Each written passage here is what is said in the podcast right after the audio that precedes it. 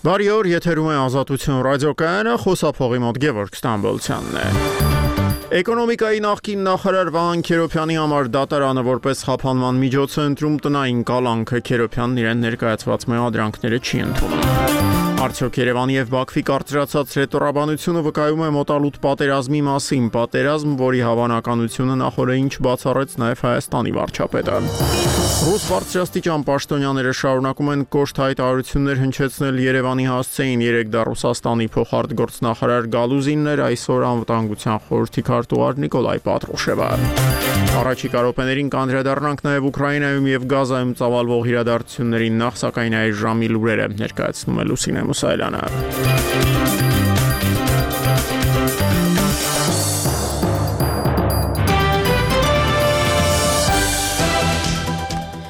Բաքուն պնդում է, որ հայկական զինուժն այսօր ժամը 12:50-ին Վարդենիսի շրջանի Կուտականում տեղակայված դիրքերից կրակ է բացել ադրբեջանական դիրքերի ուղությամբ։ Հայկական կողմը հերքել եւ ապատեղեկատվություն է որակել Ադրբեջանի պաշտպանության նախարարության այդ հաղորդագրությունը։ Էկոնոմիկայի նախարարության առնչվող քարեական գործով անցնող Վահան Քերոփյանի նկատմամբ խափանման միջոց ընտրվեց տնային կալանքը։ Էկոնոմիկայի նախկին նախարարն իրեն առաջադրված մեղադրանքը չի ընդունում, նաեւ հայտարարել է գործում քաղաքական քաղաքական ենթատեքստ ենթատեքստ չի տեսնում մանրամասները ծրագրի ընթացքում։ Վարչապետ Նիկոլ Փաշինյանը Գերմանիայում մասնակցելու է Մյունխենի անվտանգության համաժողովին, սպասվում են նաև երկկողմ հանդիպումներ արտերկրի գործընկերների հետ։ Վարչապետի գրասենյակը սակայն չի հստակեցրել նախատեսված է արդյոք հանդիպում Ադրբեջանի նախագահի հետ Մյունխեն են մեկնել նաև Հայաստանի պաշտպանության արտաքին գործերի նախարարները։ Արեմուտքը փորձում է ապակայունացնել իրավիճակը հարավային Կովկասում եւ միջամտել հայ-ադրբեջանական կարգավորման գործընթացին, ինչը հանգեցրել է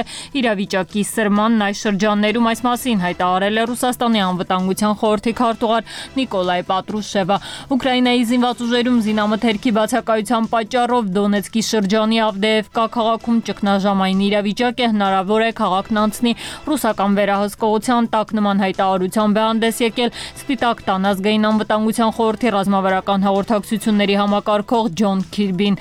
Ալի Ասադովը վերանշան նշանակվել է Ադրբեջանի վարչապետի պաշտոնում այդ երկրում տեղի ունեցած նախագահական ընտրություններից հետո կառավարությունն օրենքի պահանջով ծրվել է ըստ ադրբեջանական աղբյուրների նախարարների կաբինետի կազմում մեծ փոփոխություններ չեն նախատեսվում։ Անկարան Եվրախորհրդի խորհրդարանական վեհաժողովից պահանջում է վերանայել ադրբեջանական պատվիրակությանը հերացնելու որոշումը պնդելով թե ԵԽԽՎ-ի ընդունած համապատասխան բանաձևը կխոչընդոտի տարածաշրջանային խաղաղությանը եւ կայունությանն ուղղված ջանքերին այս մասին ասված է Թուրքիա արտգործնախարարության պաշտոնական կայքում հրապարակված հաղորդագրությունում։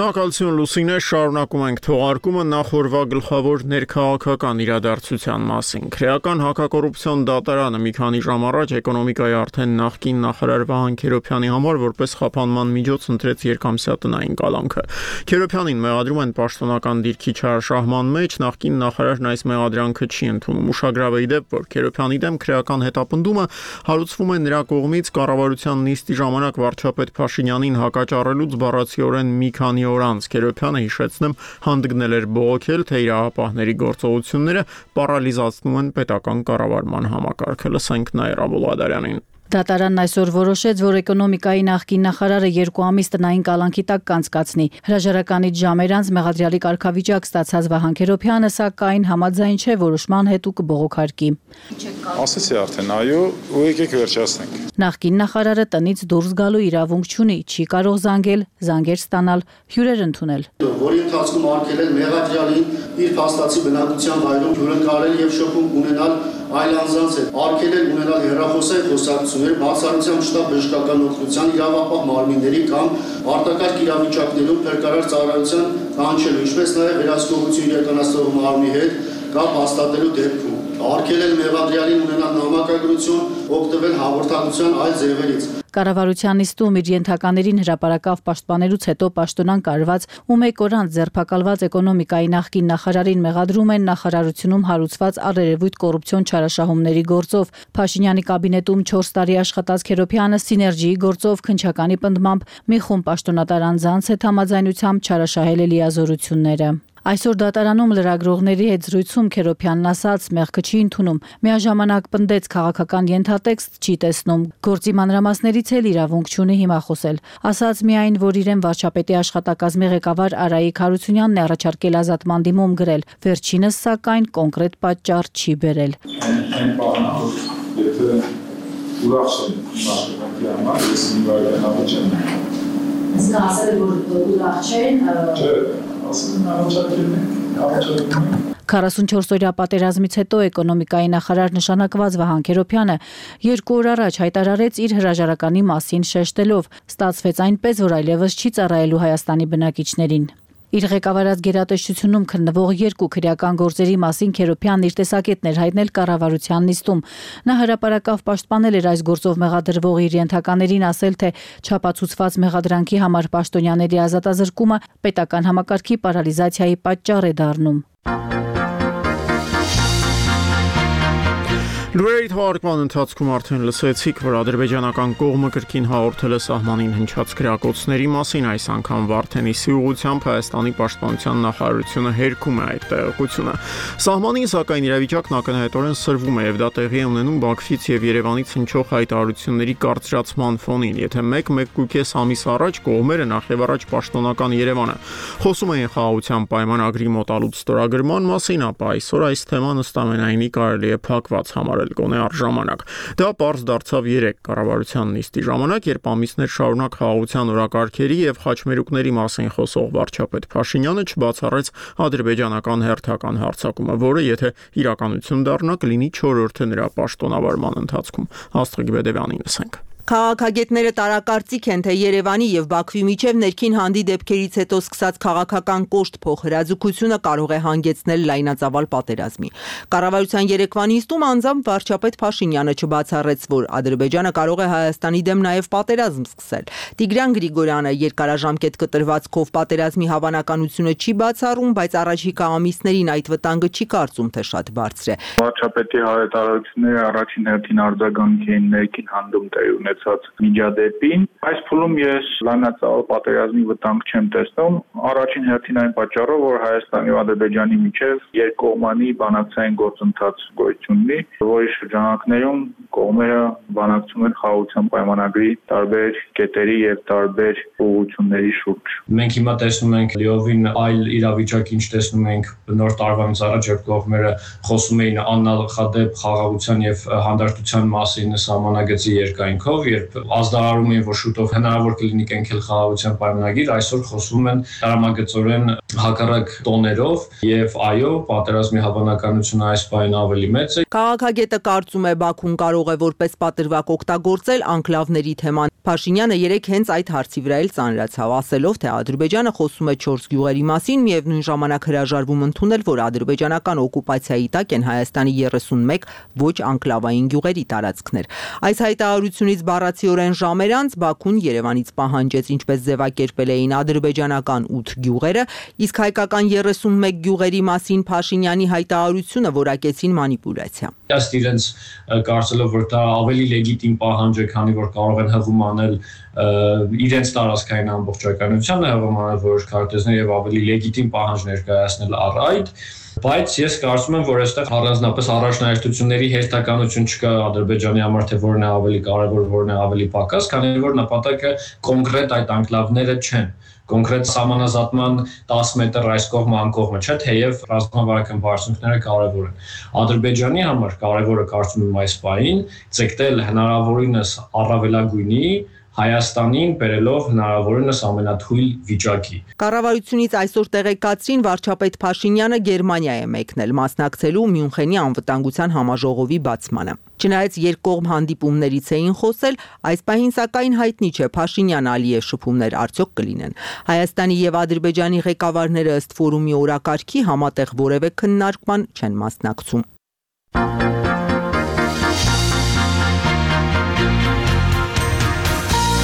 Հայ-ադրբեջանական հարաբերությունների սրման ֆոնին Մոսկվան շարունակում է կոշտ հայտարարություններ հնչեցնել Երևանի հասցեին Հայաստանի իշխանություններին մեղադրելով արտատարածաշրջանային ուժերին հարավային Կովկասում ընթացող գործընթացների մեջ ներքաշելու համար։ Երեք մի շարք կոշտ հայտարարություններով հանդես եկավ Ռուսաստանի փոխարտգործնախարար Միխայել Գալուզինը, պնդելով, որ Երևանի աշխարհքաղաքական տատանումները կարող են հանգեցնել մեջբերում Հայաստանի ինքնության եւ ինքնուրույնության կորստին։ Այսօր արդեն Բիշկեկում ունեցած ելույթում հարավային Կովկասում դասում արևմուտքի իր բնորոշման պապակառուցողական դիրքորոշման եւ գործունեության մասին խոսեց Ռուսաստանի անվտանգության խորհրդի քարտուղարը թեման մանրամասնում է Շողիկ Գալստյանը Ազգային ժողովի արտաքին հարաբերությունների հանձնաժողովի նախագահը անհասկանալի եւ տարօրինակ է որակում Մոսկվայի հայտարարությունները, թե Երևանի աշխարհակաղակական տատանումները կարող են հանգեցնել Հայաստանի ինքնուրույնության կորստին։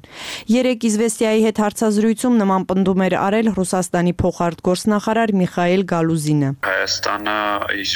բազմաթիվ գործընկերների հետ է փորձում հարաբերությունները խորացնել եւ մենք գնում ենք մեր թե անվտանգային թե տնտեսական հարաբերությունները դիվերսիֆիկացնելու բազմազան հանրություն ապահովելու ճանապարհով եւ հենց այս ճանապարհն է, որ կնպաստի Հայաստանի անվտանգության ապահովման, անկախության եւ ինքնիշխանության ապահովմանը։ Ռուսաստանի նախագահի հնարավոր ձերբակալության մասին Փաշինյանի մեկնաբանությունից հետո, թե Հայաստանում բոլոր որոշումներն իրավապահներն են կայացնում, Ռուսաստանից նախ հայտարարեցին, թե Պուտինի հնարավոր այցը Հայաստան պետք է քննարկեն հայ գործընկերների հետ։ Ապա հաճախակի դարձան կոչերը կողմնորոշվելու հավաքական անվտանգության պայմանագրի կազմակերպ կազմակերպության հետ հարաբերությունների հարցում։ Часто э, звучат, так сказать, утверждения, что э, ОДКБ, Россия могут потерять Армению вот в такой ситуации, как Հաճախ են բնդումներ հնչում, որ ստեղծված իրավիճակում ՀԱՊԿ Ռուսաստանը կարող են կորցնել Հայաստանը։ Կարծում եմ, որ մենք պետք է խոսենք ոչ թե Ռուսաստանի կամ ՀԱՊԿ-ի հավանական կորուստների, այլ այն մասին, որ մի կողմից արևմտյան գործոններով հրապուրվելը, մյուս կողմից տատանումները, արդյոք պետք է լքել ՀԱՊԿ-ը թե ոչ, կարող են հանգեցնել Հայաստանի ինքնության եւ ինքնուրույնության կորստին։ Могут привести и к утрате Армении своей идентичности, утрате Армении своей самостоятельности. Երևանը ամենաբարձր մակարդակով քննադատում է ՀԱՊԿ-ին պայմանագրային պարտավորությունների ձախողման համար։ Չնայած Հայաստանի դիմումներին ՀԱՊԿ-ը ոչ միայն ռազմական օգնություն չտրամադրեց Հայաստանին ադրբեջանական հարձակումների ժամանակ, այլ նաև քաղաքական գնահատական չտվեց Բաքվի գործողություններին։ Դրանից հետո Երևանը թեև չի լքում ռազմական դաշինքը, սակայն բոյկոտում է կազմակերպության նիստերը։ Ռուսաստանի փոխարտգործնախարարը երեք կոչ է արել վերադառնալ քննարկումների, պնդելով թե ՀԱՊԿ-ի մեխանիզմին որևէ որևէ այլ ընտրանք չի նշмарվում։ Արտաքին հարաբերությունների հանձնաժողովի նախագահ Սարգիս Խանդանյանն ընդգծում է. հապկն է, որ պետք է դիրքորոշում հայտնի, թե ինչպես է պատրաստվում հարաբերվել Հայաստանի հետ։ Այդ ընտրությունը կանգնած է ոչ թե Հայաստանի առաջ, այլ հապկի առաջ, եւ Հայաստանը շատ հստակ իր դիրքորոշումը հայտնել է հապկի հետ հա, իր հարաբերությունների վերաբերյալ եւ աբատանշել են բոլոր խնդիրները եւ անհանգստությունները, որ մենք ունենք Հայաստանի իշխան տարածքի նկատմամբ հարցակումից հետո երբ ուսումնասիրել եւ դիտարկել են կապկի գործողությունները կամ գործողությունների բացակայությունը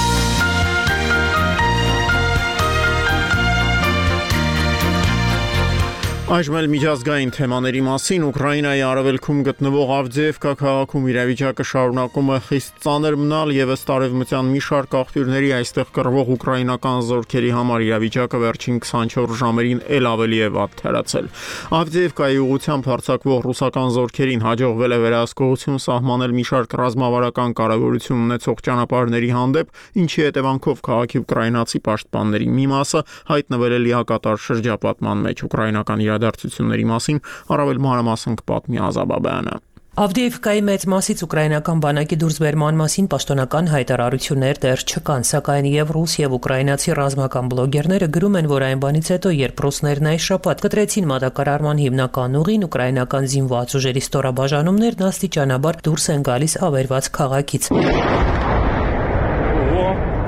Այստեղ կրվող 3-րդ բրիգադի հրամանատարի տեղակալ Ռադիոն Կուդրյաշովը ասում է, թե ուկրաինական զինվորականների մի մասը շրջափակման մեջ է։ Є в деяких віддисках ситуація критична։ Որոշ տեղերում իրավիճակը կրիտիկական է։ Կան տեղեր, որտեղ մեր զինվորները ամբողջությամբ շրջափակման մեջ են։ Կան տեղեր, որ մասամբ, սակայն գրոհային գործողություններով շրջափակումից դուրս գալու հնարավորություն կա։ Штурмових дій. В принципі, в нас на сьогодні це виходить։ Դոնեցկի մարզի Ավդեևկայում ճգնաժամային իրավիճակ է ստեղծվել եւ քաղաք կարող է անցնել ռուսների վերահսկողության տակ։ Երեք երեկոյան հայտարարել է Սպիտակ տան ներկայացուցիչ Ջոն Քիրբին։ Avdiivka is at risk of falling into Russian control. Ցավոք մենք ուկրաինացիներից հաղորդումներ ենք ստանում, որ իրավիճակը կրիտիկական է եւ ռուսները շարունակում են ամեն օր ճնշում գործադրել ուկրաինական դիրքերի վրա։ Ավդիևկան ռուսական վերահսկողության տակ անցնելու վտանգի տակ է, մեծամասամբ հրետանային զինամթերքի պակասի պատճառով։ In very large part, this is happening because the Ukrainian forces on the ground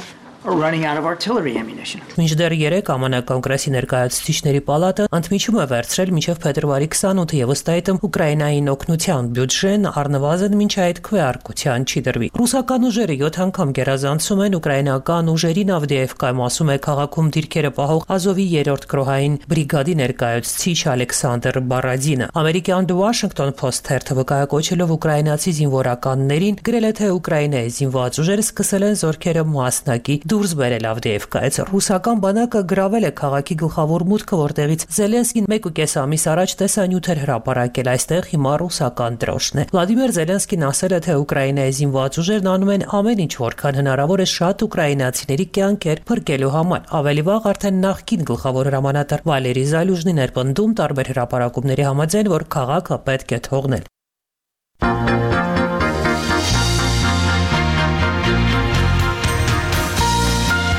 Գազայի հատվածում մարտական գործողությունները շարունակվում են Իսրայելի բանակը պատրաստվում է հարձակում իրականացնել Եգիպտոսի հետ սահմանին գտնվող Ռաֆահ քաղաքի ուղությամբ։ Դա ըստ միջազգային կազմակերպությունների կարող է հանգեցնել մարդասիրական աղետի, քանի որ այստեղ ընդամենը մի քանի քառակուսի կիլոմետր տարածքի վրա կենտրոնացած է ավելի քան 1.5 միլիոն խաղաղ բնակիչ։ Հրաչ Մելքումյանին լսենք։ Իսրայելի բանակը այսօր տեսանյութ է հրապարակել պնդելով, թե հարվածել է Համասի օպերատիվ հրամանատարական կենտրոններին։ Հրադադար հաստատելու բանակցություններում որևէ արդյունք չկա, դրանք կարծես փակուղի են մտնում։ Իսրայելի վարչապետ Բենյամին Նեթանյահուն կտրուկ դեմ է արտահայտվել պատերազմից հետո պաղեստինցիների ապագայի վերաբերյալ ԱՄՆ-ի մոտեցումներին, հատկապես Պաղեստին պետություն ստեղծելու դեմ։ Միացյալ Նահանգների նախագահ Ջո Բայդենի հետ անցած գիշերը կայացած հերրախոսազրույցից հետո Նեթանյահուն X սոցցանցում գրել է, որ Իսրայելը չի ընդունի պաղեստինցիների հետ մշտական կարգավորման միջազգային թելադրանքը։ Շաբաթվա ընթացքում սա Բայդենի եւ Նեթանյահուի երկրորդ հերրախոսազրույցն էր։ Գազայի հատվածում պատերազմը արդեն ավելի քան 4 ամիս շարունակվում է։ Անցած հոկտեմբերի 7-ին Համասը, որը ԱՄՆ-ն եւ Եվրամիությունը ճանաչել են ահաբեկչական կազմակերպություն, հարձակվեց իսրայելական բնակավայրերի վրա։ Իսրայելը հաղորդել է իր կողմից 1200 զոհի մասին, իսկ Գազայի հատվածում զոհերի թիվը անցել է 28500-ը։ Սակայն Համասի վերահսկողության տակ գտնվող Գազայի հատվածի տեղեկատվության արժանահավատությունը անկախ աղբյուրներից հնարավոր չէ ճշտել։ Իսրայելը պնդում է, որ Համասը դեռ իսրայելցի 100 պատանդ է պահում եւ նրանց հայտնաբերելու նպատակով 3 գործողություն է իրականացրել Գազայի հատվածում գործող ամենախոշոր հիվանդանոցում։ Նախորդին իսրայելցի զինվորականները քանդելով Խան Յունուս քաղաքի Նասեր հիվանդանոցի ցանկապատի մի մասը հիվանդանոցի շենք են մտել պատանդներ հայտնաբերելու նպատակով։ Համասը Իսրայելին մեղադրում է կեղծիքի մեջ, պնդելով, որ բուժանձնակազմից եւ հիվանդներից բացի այնտեղ ապաստանել էին պատերազմից փախած հազարավոր պաղեստինցիներ։ Իսրայելցի զինվորականները նրանց ստիպել են դուրս գալ հիվանդանոցից, իսկ հիվանդանոցը վերածվել է զորանոցի, պնդում են Համասի ներկայացուցիչները։ Ազատություն TV-ն արդեն հասանելի է Հայաստանի բոլոր գլխավոր կաբելային ցանցերում։ Դիտեք մեզ Ucom-ի 222-րդ, Ross Telecom-ի 18-րդ եւ Team TV-ի 3-րդ ալիքներով։ Ազատության շուրջօրյա անկողմնակալ լրատվությունը, բացառիկ հարցազրույցները, ուղիղ միացումներն ու ռեպորտաժները կարող եք դիտել նաև ազատություն.am կայքում, YouTube-ում ու մեր Facebook-յան էջում։